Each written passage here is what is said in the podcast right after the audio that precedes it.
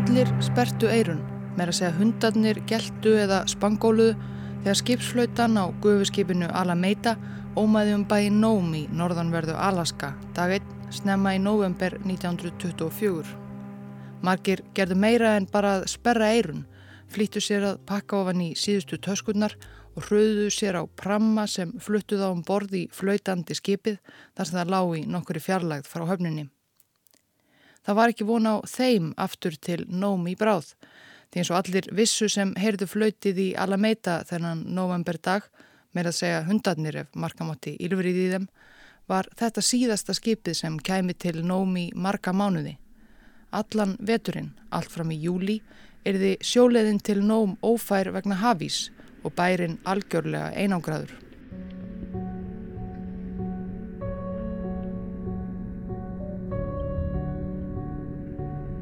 Nóm er í norðvestur Alaska, tveimur gráðum suður af heimskautsbögnum við strendur Beringshafs. Jáfnvel á mælikvarða hins viðfema Alaska er Nóm afskekt um 2000 km frá höfuborginni Juneau í suðaustri, 2000 km af torfæru fjall og skólendi og vindbörnum og snæfithögtum sléttum. Nóm var þarna um miðjan þriði áratug síðustu aldar norð-vestasta borg Norður Ameríku og þrátt fyrir að vera svo afskekt hafði hún aðeins örfa um árum áður einnig verið fjölmennasta borg Alaska.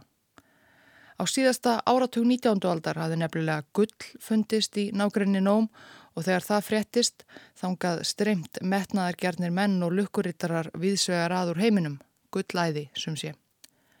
Á tíu árum breytist Nóm úr örlittlu Inuítaþorpi í 20.000 manna vestræna borg en þá var gullið líka strax upp urið og gullgravarannir hurfu frá Nóm eins snöglega og þeir komu. En það var eftir það lítið til Nóm að sækja, sérstaklega að vetri til. Veðráttan á þessum slóðum er ekki beint blíð. Mörg húsin og byggingarnar sem gullgravarnir reistu á fyrstu árum 20. aldar eigðilöðust í miklum kavaldsbyljum skömmu eftir að gullaðinu laug. Árið 1924, þegar þessi saga gerist, voru einhverstaðar á byljunu 2-3.000 manns í nóm yfir sumartíman en margir letu sér svo hverfa með síðustu skipunum um haustið. Þegar það allra síðasta, guðskipið Alameida, laði loks af stað áleiðist til næstu hafnar Seattle í novemberbyrjun 1924 voru tæplega 1400 manns eftir í nóm, 975 landnemar af evróskum uppruna og 475 innfættir inúítar og indjánar sem byggu flestir í smáþorpum og byggðum í útjæðri þess sem eftir var af gullgrafaraborginni. Eftir stóð hálf tómur bær, auðar götur og byrðir glöggar, napur vindur og heimskautamirkur. Mér fannst ég vera aðleitn eftir á Ísjaka, saði einn aðfluttur nómbúi sem horði á eftir Alameida leggja af stað þennan dag. Þetta var allra versti dagurinn sem ég varði í Alaska.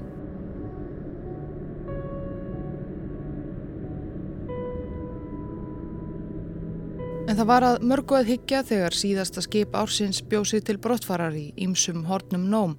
Það var einn læknir í plássinu eini læknirinn í mörgundruð kílometra radjus.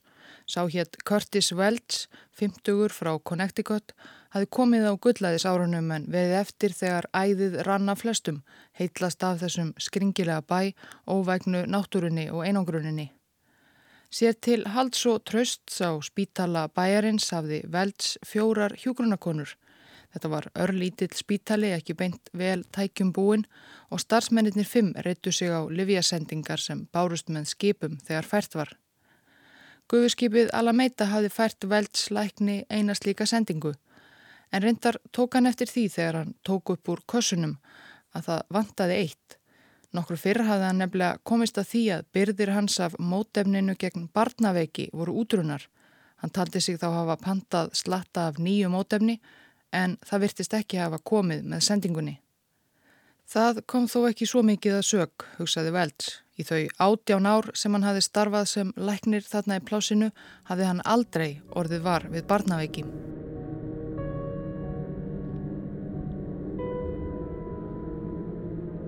Einmitt í þann mund sem Alameida var að leggja af stað var knúið dýra á litla spítalanum hjá Curtis Welds lækni. Það var innúíta fjölskylda, hjón og fjögur börn. Yngsta barnið var fárveikt, afar veikburða og með mikla hálsbólgu. Fóreldrar Bartsins höfðust að reynda hjúgraði eftir fremsta megni en ekkert borið árangur. Barnið var sífælt veikara. Velds leiti yfir sískinahópin. Eldri börnin þrjú virtust vera full heilsu. Velds létti þá nokkuð ef þau hefðu haft svipið enkenni og það yngsta hefðu verið ástæða til að óttast. Þá getið þetta verið einhvers konar smittsjúkdómur. En þetta var örgla bara svæsin hálsbólka eða eitthvað í þá átt en strax morgunin eftir runnu á veldslækni tvær grímur því þá var barnið látið.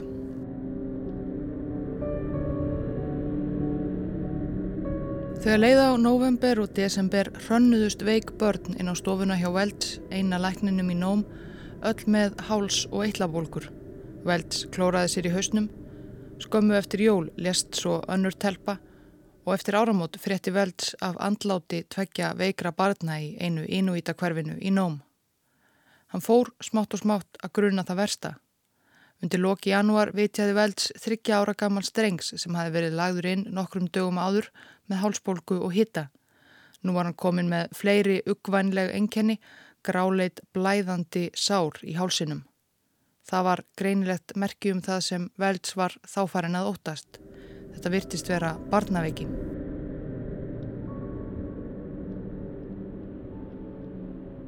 Barnaveiki eða difterija er alvarlegur sjúkdómur af völdum bráðsmittandi bakteríu.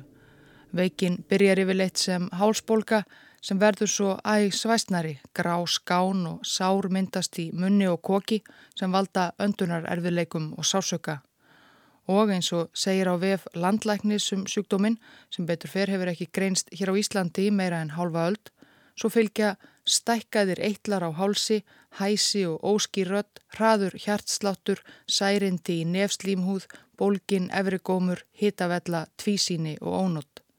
Og ef við lesum ölliti lengra, Þá gefur bakterían frá sér eiturefni sem getur borist með blóði til hérna ímsu lífæra þar með talið til nýrna, hjarta og taugakerfis og þannig skert starfsemi þeirra eða valdið varanlegum skada, jáfnveg lömun. Já og svo dauða fái sjúklingurinn ekki viðegandi meðferð. Barnaveiki dró ótal marga til dauða hér á árum áður, börn og fullorna en hefur nú allu heitli að mestu verið upprætt vítaðs hvar þöks ég bólusendingu. Bóluefnið var nýlega komið fram þarna 1925 en nótkunn þess var enn á frumstígi. Það var allavega ekki komið allaveg til norðvestur Alaska. En til var mótefni sem læknar á þessum tíma notuð til að berjast við sjúkdóminn með góðum árangri. Það var unnið úr blóði ónæmra dýra en fyrir uppgötun sína á mótefninu hafði þýski læknirinn Emil von Bering hlotið Nobelsvælunin í læknisfræði fyrstur manna 1901. Mótefnið virkaði vel en það gæti verið nokkuð vand með farið. Það þurfti mikið af því og það mátti alls ekki verða á gamalt heldur. Velds læknir í nóm átti bara 80.000 einingar sem rétt nægði til að meðhöndla kannski 6 börn í allra mesta lægi og efnið var orðið 6 ára gamalt svo það var alls ekki víst að það virkaði yfir höfuð. Velds læknir reyndi allt til að bjarga þryggjára drengnum með blæðandi sárin í hálsi, öll gömul ráð sem læknar fyrir tíma höfðu notað áður en mótefnið kom til sögunar en allt kom fyrir ekki. Drengurinn lést skomu síðar og þetta var án Eva barnaveiki. Barnaveiki er bráðsmitandi og algengast að hún berist manna á milli með hosta eða hnerra en bakterían er harðger og getur lifað af vikum saman á einhverjum hlut eða yfirborði, borðblötu, glukkakistu eða sælgætisbrefi. Veld vissi því að um alla nóm gæti bakterían þegar leið í leini og beði þess að smita óavitandi bæjarbúa, sýrilagi börn. Ónæmiskerfi frumbyggjana á þessum slóðum var ítla til þess fallið að berjast við sjúkdóminn. Spænska veikin örfa um árum áður hafði leikið nóm ítla. Ef barnaveiki faraldur væri að hefjast nú, getu afleðingarnar orðið jafn skjálfilegar. Velds sendi tafalust símskeiti neyðarkall til allra borga og bæja í Alaska sem út til allríkis heilbriðis yfirvalda í Washington. Barnaveiki faraldur er hérna er óumflíjanlegur, stopp. Brín þörf á miljón einingum af mótefni, stopp. Póstur er eina fluttningsleiðin, stopp. Um gervalt Alaska fóru læknar og sjúkrahústarsmenn að gramsa í livjageimslum í leitað mótefninu. Það var þörf á miklu magni og það mátti engan tíma að missa. En jáfnvel þó að mótefnið fyndist var hægara sagt en gert að flytja það til nóm. Sjórin í kringum bæin var ísilagður og þangað komist engin skip lengur og flugflutningar til Alaskað vetri yfir sjóstrukt landslæði gegnum kavalspilji og nýstingskulda voru enn varla meira en háleitar hugmyndir nokkura flug ofurhuga. Slíkar hugmyndir komur endar til tals þegar ljóst var hver alvarlegt ástandið var að verða í nóm en komist aldrei almennilega á flug ef svo máð orði komast.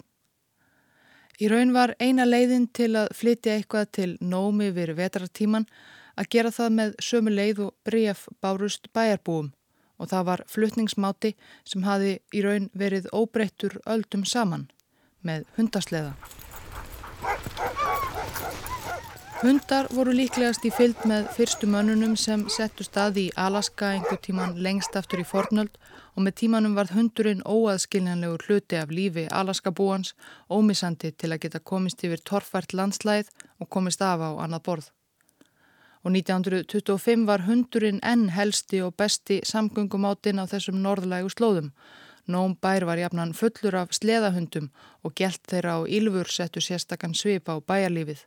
Þekktustu atvinnu sleðaekladnir voru öllum bæjarbúum kunnir og oftar en ekki hundarnir þeirra sömu leiðis.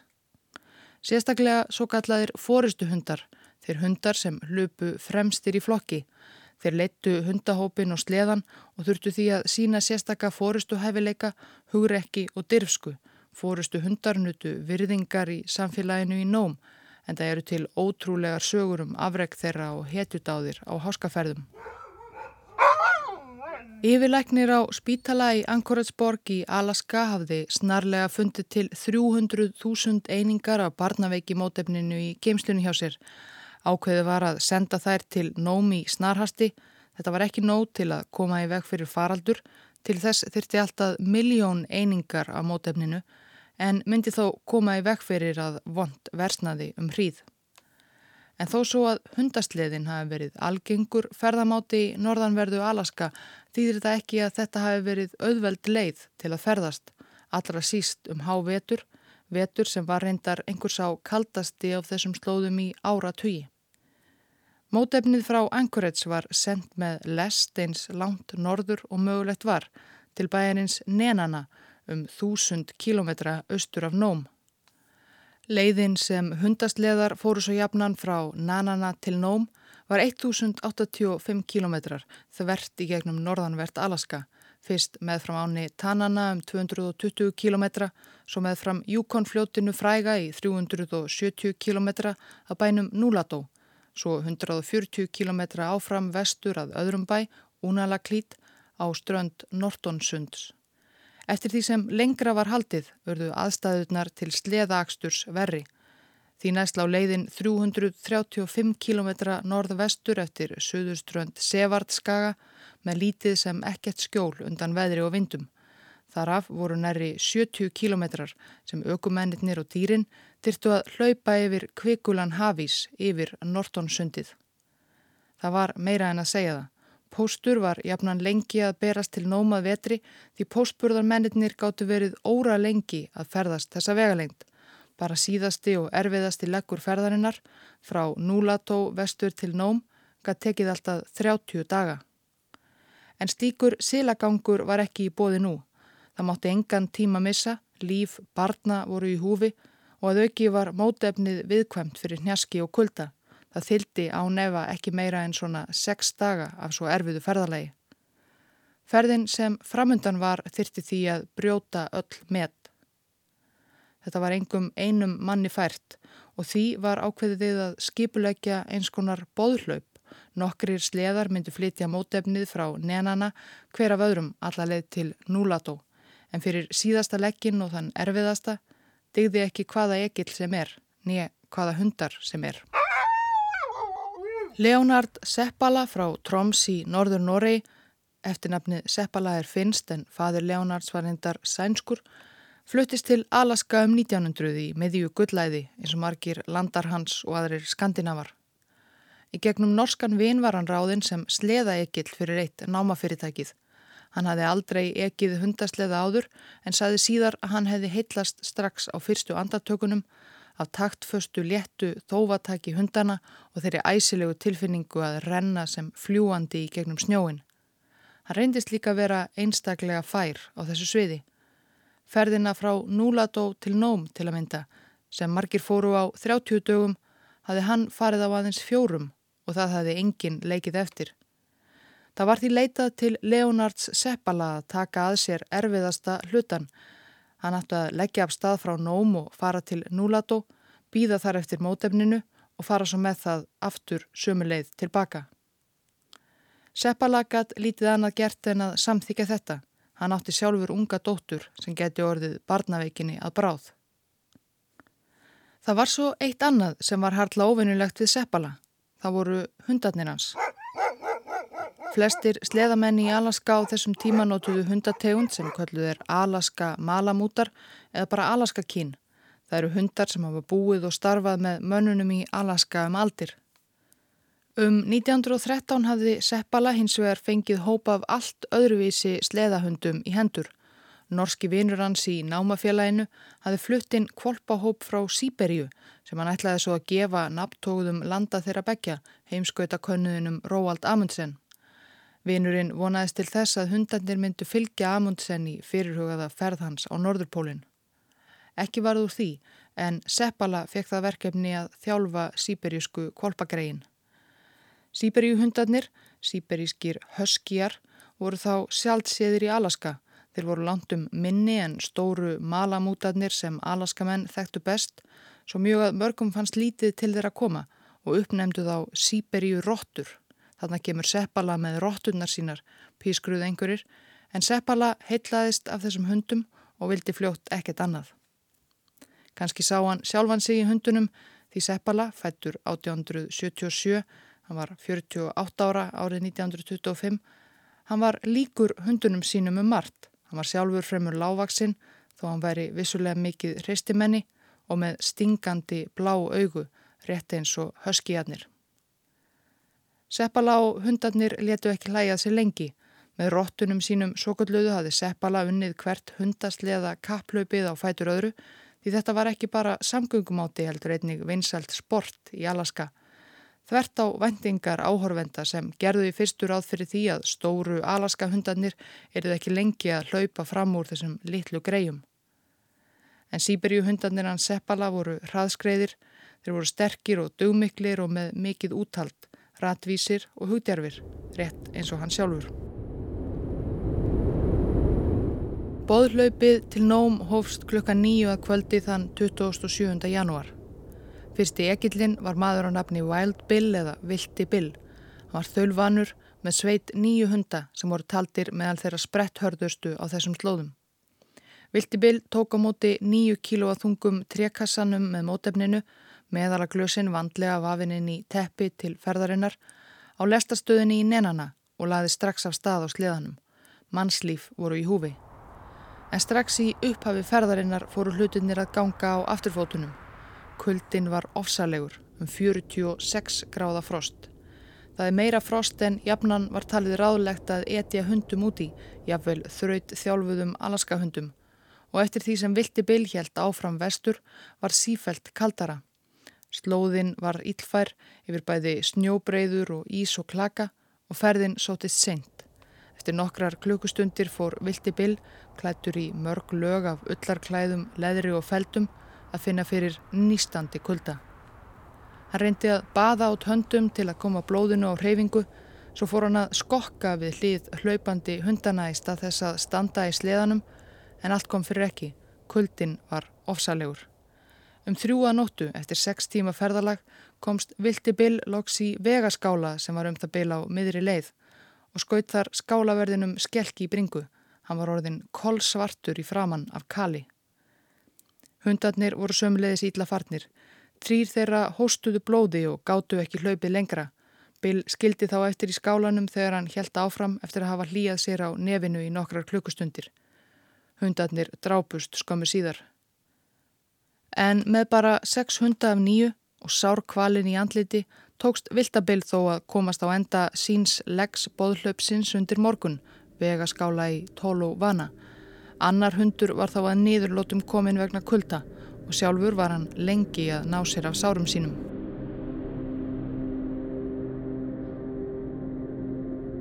Um svipaleiti og vilti bil fyrsti ekillin rendi í hlaði vegaskálanum í Tólovana þar sem næsti ekill beigð til að koma mútefninu áfram ringdi símin á heimili Leonard Seppala í Nóm. Hann hafi beðið eftir þessu símtali, þetta voru fyrirmæli um að leggja í hann. Leonard Seppala klætti sig í þykk og þung útifötinn og fór út þar sem hundastóðið hans beigð. Hann greip þá sem hann hafi valið til ferðarinnar, setti þá í aktíin og spenti fyrir sleðan. 20 hundar og aðeins þeir allra bestu og reyndustu komið til greina fyrir slíkt ferðalag. Fremstur í flokki Sýberju hundana 20 hljóp fórustu hundur Seppala til margara ára sem í raun var einnig besti vinur hans og félagi. Þeir eru óaskiljanleir, sagði einn af kunningum Seppala um hann og Kvöta. Maður talar ekki um annan að þess að nefna hinn í sömu andrá.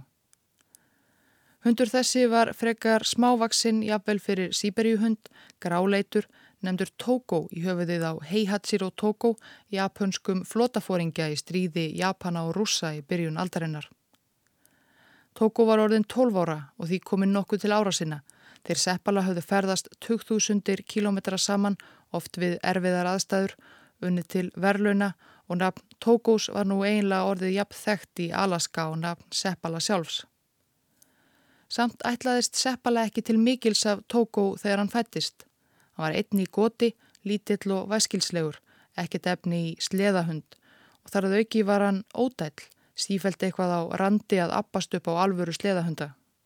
Lóks losaði Seppala sig við hann og gaf hann konun okkuri sem gæludýr en Tókó helt áfram að láta ófriðlega og slappa á endanum og dúkaði aftur upp heima hjá Seppala og sleða hundunum hans. Seppala ákvaða að taka við honum aftur en setti hann þó ekki í sleðasveit sína til þess létt hundspottið of ófriðlega. Þar til að dagveitna Seppala fóra á sleðanum í stuttaferð eitthvað út til þess að losna við ónæðið af Tókó tjóðraði Seppala hann fastan heima en aftur slapp kvutti og hljóp uppi seppala á hundaflokkin og hljóp sem harðast meðfram hinnum hundunum eins og hann vildi ekkert frekar en að hlaupa með og vera einn af hópnum. Seppala ákvað þá að spenna hann fyrir sleðan til reynslu og Tóku var fljótur að sanna sig. Þarna fór afburða sleðahundur og von bráðar var hann orðin fremsti fórustuhundur hans. Á meðan Seppala bjóð sig til langferðar sinnar helt boðhlaupið áfram úr henni áttinni. 17 sleða eklar tóku þátt, menn úr ímsum áttum, flestir þeirra frumbyggja ættum, með tugi hunda alls. Flestir fóru yfir um 40 til 60 kilometra, nokkura klukkustundar hlaup. Aðstæðunar voru misjafnar en aldrei sérlega góðar. Það var allstaðar kallt, allstaðar ískaldur vindur og leiðin hverki sérlega greiðfær. 28. janúar ferðaðis mótefnið um 200 km með fjórum sleðum frá Tólu Vana þar sem Vilti Bill skildi við það með kalið andlit og þrjá degjandi hunda og til vegaskálans í Kallands. 29. janúar ferðaðist að 250 km rúma með sex sleðum frá Kallands til Bishop Mountain. 30. janúar á fjóruða degi bóðlöpsins komst mótefnið næri 300 km, einnig í sex leggjum frá Bishop Mountain til Unalaglít, bæjarins við strendur Nortonsunds, sem markaði jafnframt upphafið að allra erfiðasta hluta leiðarinnar, eins og það sem á undan kom hafi ekki verið nógu erfitt. Morgunin 30. fór kuldin niður fyrir 50 gráður á Celsius og hárlitlir nárar tveggja sleðahunda frusu. Á öðrum legg síðast sama dag hljóp ekillin með fram sleðanum til að leta byrði hundana svo þeir gæti hlaupið hraðar. Allir vissjú að líf barna væru í húfi. Fáir vissu það þó betur en Curtis Welch og hjúgrunakonurnar fjórar á litla spítalanum í Nóm. Á meðan hundarnir hlupu og hlupu yfir snjó og ísbreiðu veiktust fleiri börn í Nóm. Það byrjaði eins og hálsbólka, svo eruð börnin veikburða og fóru fljóta myndast ljót, gráleit, blæðandi sár í munni og koki. Velds og samstagskonur hans gerðu sitt besta til að sinna veiku börnunum með því litla sem þau höfðu, gömlu, útrunnu, mótefni. Það gekk ekkert sérlega vel, Börnin voru fárveik. Velds færði helbriðis yfirvöldum í Alaska reglulega frettir af ástandinu í gegnum síma og símskeiti. Þannig gæti hann einnig fylst með því hvernig bóðlaupið gekk og mótefnið nálgæðist nóm smátt og smátt. Það var búnaður til að senda símskeiti í mörgum vegaskálunum þar sem sleðarnir áðu á leiðinni og þannig gæti alþjóð í raun fylst með gangi hlaupsins. Faraldurinn í nóm og bóðlaupið ótrúlega hafði ekki farið fram hjá pressunni og hafði skapast um málið eins konar fjölmiðlafár. Dagblöðum Gervöld Bandaríkin fjölluðu um það af ákjæfð. Nóm, bjargarlaus gagvart faraldri. Barnaveiki ógnar þúsund manna bæ, þúsund mílna bóðsleða hlaupi yfir ísöðinina miklu undirbúið. Barnaveiki geysar, ekkert mótefni. Nóm í vanda, fjöldi látina, fleiri tilfelli daglega, ekkert mótefni og aðeins einn læknir til að bjarga bænum frá faraldri. Hundar í kapplöpi við dauðan. Sprettarðir sleðahundar hlaupa yfir 400 mílur gegn lífshættulegri barnaveiki. Reglulegar frettir af framgangi hundana voru einnig fluttar í fjölmiðli sem þá var nokkuð nýstárlegur en fekk þarna rækilega tækifæri til að sanna sig fyrir bandarískri alþýðu, útvarpi. Í útvarpinu gætt frettaþyrstur almenningur fyllt hundunum í hvert fótmál, svo að segja. Von kviknar í nóm, hundarnir nálgast. Hundarnir ná til nóm í dag, mótefnið afhend eftir örfáar klukkustundir. Hundarnir ná til nóm í dag. Mótefnið afhengt eftir örfáar klukkustundir. Á meðan helt Leonard Seppala försinni áfram. Hann, Tóko og hinnir hundarnir 19 þurftu að fara lang lengstu leiðina af öllum, meira en 600 km alls, frá Nóm til Núlato og Júkonfljóti þar sem hann átt að ná í mótefnið og svo aftur tilbaka síðasta leggin. Og jáfnframt þann hættulegasta Á leiðsynni gætt Seppala stitt sér leið með því að fara þvert yfir ísilagt Nortonsundið. Þannig myndi heil dagsferð sparast en leiðin yfir sundið var gífurlega varasum. Ísin var á stöður í reyfingu bæði vegna hafströyma og sterkra vinda, afar sleipur fyrir hundan að fóta sig á og án nokkus fyrirvara gáttu örsmáar sprungur í ísnum sprungið upp og sleðin, egillin og hundarnir steifst í nýstingskalt vatnið. Leonard Seppala hafði áður komist í hann krappan á Nortonsundi og rétt komist lífs af. Einu sinni hafði Tóko bjargað honum nömlega með því að toga hann og sleðan upp úr sjónum eftir að ísin undir þeim brast. Fyrri ferðin yfir sundið gekk vel í þetta sinn. Tóko og hundarnir stóðu sína plikt, jáfnvel þó að þá þegar ættu þeir meira en 200 kílometra á tveggja daga ferð að baki. Á harðarlaupi hundana yfir ísin var Leonard Seppala þó ekki aðstöðu til þess að fylgjast með fréttum eða skeitasendingum og vissi þess vegna ekki að eftir að hann lagði af stað til Núladó þann 28. januar hafi verið ákveðið að gefa í bóðhlaupið, bæta við fleiri sleðum í vonum að koma mótefninu enn fyrr á áfangastað. Það var þess vegna sem þeir sem komu úr hinni áttinni fóru fram hjá Núladó og alla leið til Únalaklít, bæjarins við strendur Nortonsundsins. Ekki löngu eftir að hann komst heilu og höldnu yfir sundið heyrði Seppala hundgá í fjarska. Svo skömmu síðar kom hann auga á það. Það var annar hundasleiði. Sleiðin var kyrstaður en hundarnir voru æstir svo láfið slagsmálum. Þeir eruðu sennilega komið auga á hreindir sem æsti svo upp í þeim veiðiðalið. Egillin virtist ekkert að ráða við þá og baðaði út höndum í örvendingu. Seppala gaf þá hundum sínum skipun um að gefa í. Hann var staðræðan í því að hans hundar myndu ekki lenda í sömu gildru og flækjast í þessa slagsmála þvögu. Hann vildi alls ekki þurfa að nema staðar.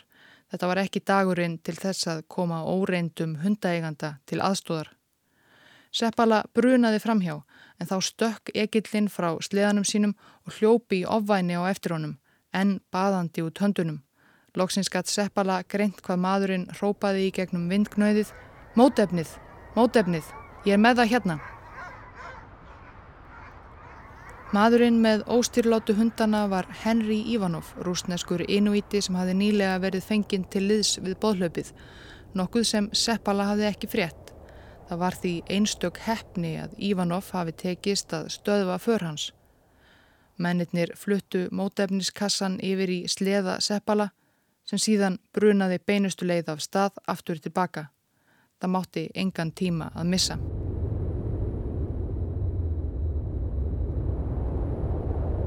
Ekki síst vegna þess að nú var farið að gera óveður. Það var sífælt kvassara, svo mjög að Seppala evaðist um það í nokkra stund hvort hann ætti að hætta sér aftur yfir Nortonsundið, en það var ekki um mikið annað að velja. Og það sem gerði ferðina enn ennriðari, það var skollið á myrkur. Seppala gæti sjálfur ómögulega komið auga á sprungur og aðrar hættur sem gáttu leinst í ísnum. Á stundum sem þessari var það fórustu hundurinn sem þurfti að axla ábyrð. Seppala varða að treysta tókó sínum til að taka rétta stefnu. Tókó sem með einstöku sleðahundatríni sínu átti að geta þefað uppi réttu leiðina, sneitt hjá sprungum og öðrum hindrunum og leitt seppala hína hundana á sleðan öruga yfir ísin. Þetta var verkefni sem eflust ekki hvaða sleðahundur sem er hafi ráðið við en með tókúsinn í broti fylkingar komst seppala yfir sundið í niða myrkri og hríð ómeitur og með mótefnið dýrmæta í sleðanum. Hundur og maður voru þó skiljanlega örþreytir þegar þeir komu loks í skíli við strendur sundsins eftir að hafa farið meira en 135 km á einum degi við herfilegar aðstæður. En þeir fengu ekki að kvílast lengi því stormurinn sem þeir höfðu barist í gegnum yfir sundið magnaðist. Klukkan tvö aðfaranótt 1. februar vakti skálavörðurinn Seppala eftir örfára klukkustundasvefn. Veðrið var að verða þannig að ef hann ætlaði að ná til nóma á annað borð, yrði hann að fara af stað aftur sem fyrst. Það gerðan og aftur þurfti Tókó að leiða félaga sína í gegnum myrkur og ís 20 kilometra til viðbútar, þángar til þeir komuloks snemma morguns til Ínóvita Þorpsins Gólovin þar sem næsti maður beigð. Það voru um 130 kilometrar eftir til nóm. Mótefnið var næstum komið á leiðarenda, svo nærri.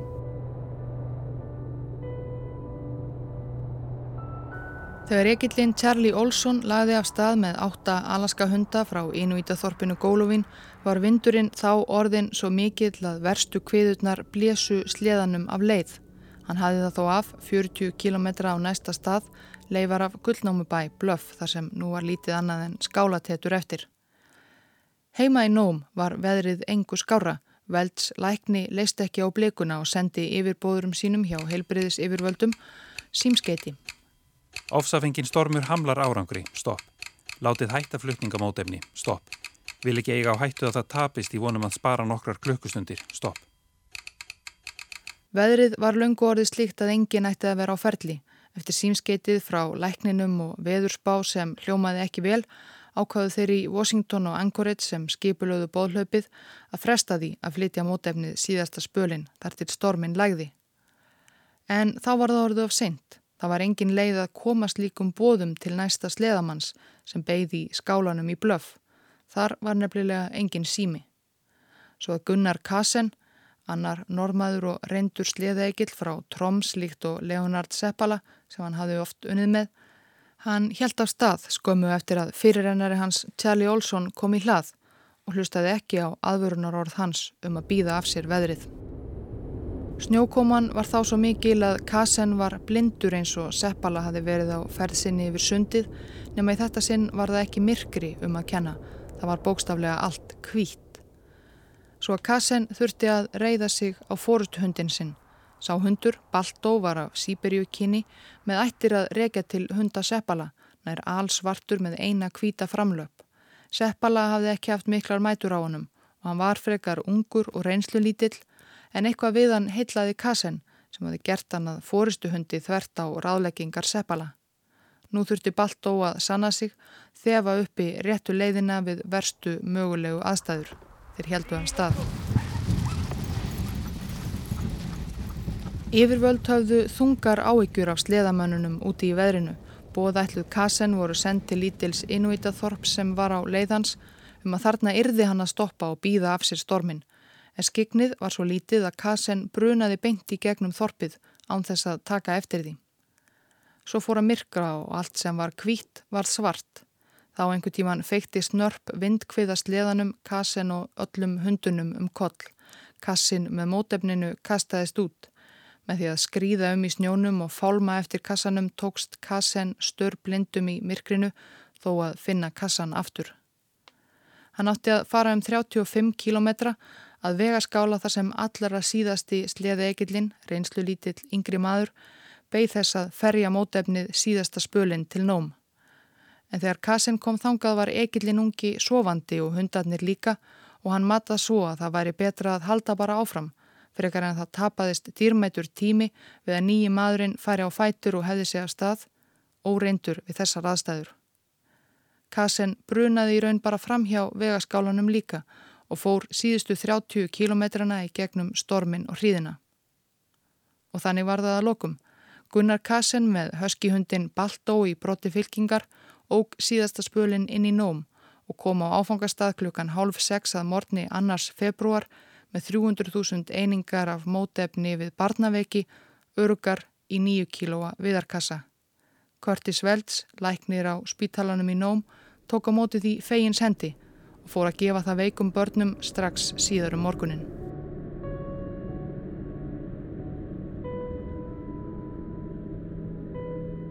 Ferðin yfir kílometrana 1085 tók 5,5 dag. 20 sleðaeklar tóku þátt með um 150 hunda, einungis 6 eða 7 börn dóuða lokum í barnaveiki faraldrinum í nóm, þöksi mótefninu. Eftir því mikla fjölmiðlafár urðu hundarnir og eklarnir að stjörnum, ekki síst Kassen og Baltó sem fóru síðasta spölin í storminum og fengu fyrir ómælt lof og prís í pressunni og hjá almenningi. Þó margir vilji meina þá og nú að mestu hetjurnar hafi verið teimið sem fór lengstu vegalengdina og yfir áættu samasta kablan, Ísilagt Nortonsund, Leonard Seppala og hundurinn Tóko. Það er samt nafn Baltós öðrum fremur sem hefur lifað. Í greinum, bókum og fleiru teiknimynd mjög lauslega byggða á þeim atbörnum sem hér hefur verið líst kom út árið 1995 Þar er það engin annar en Kevin Bacon sem lágur balt og rött sína en Togo er hverki sjáanlegur. He was an outsider who wasn't like the others until a town needed a miracle. We can get that medicine through. You said what? Come on, mush! Not dog, not wolf, you're a hero! Balto. Stitta af Balto stendur í Central Park í New York en Kvutti sjálfur fekk þó lítið að njóta fræðarljómans. Kassen seldi Baltó og hann varðað síningardýri, hetju hundurinn Baltó og var fluttur um bandaríkin þver og endilöng millir sirkusa og karnívala án þess að mikið væri hirt um velferðans. Hann endaði í búri í ömurlegu fríksjói í Los Angeles þar sem að lokum fjársterkur hundavinnur frá Cleveland í Ohio rakst á hann, kiftan og flutti í dýragard borgarinnar. Þar fekk hann betri meðferð og varði þar síðustu æfi árunum, drapst 1933, 14 ára gamall. Tókó fekk sinn skerf af aðtegli eftir afrækið, kom fram fyrir fagnandi áhorvendur og fekk gullmedali úr hendi sjálfs Róalds Amundsens, en þó aldrei sömu fræð og baltó, nokkuð sem eigandi hans Leonard Seppala var alltaf nokkuð ósáttur við. Tóko var að hans mati besti sleðahundur sem nokkuð tíman hafi sést í Alaska og þó víðar væri leitað. Tóko var svæfður í desember 1929, 16 ára gamall og var með eiganda sínum fram á síðasta andardrátt.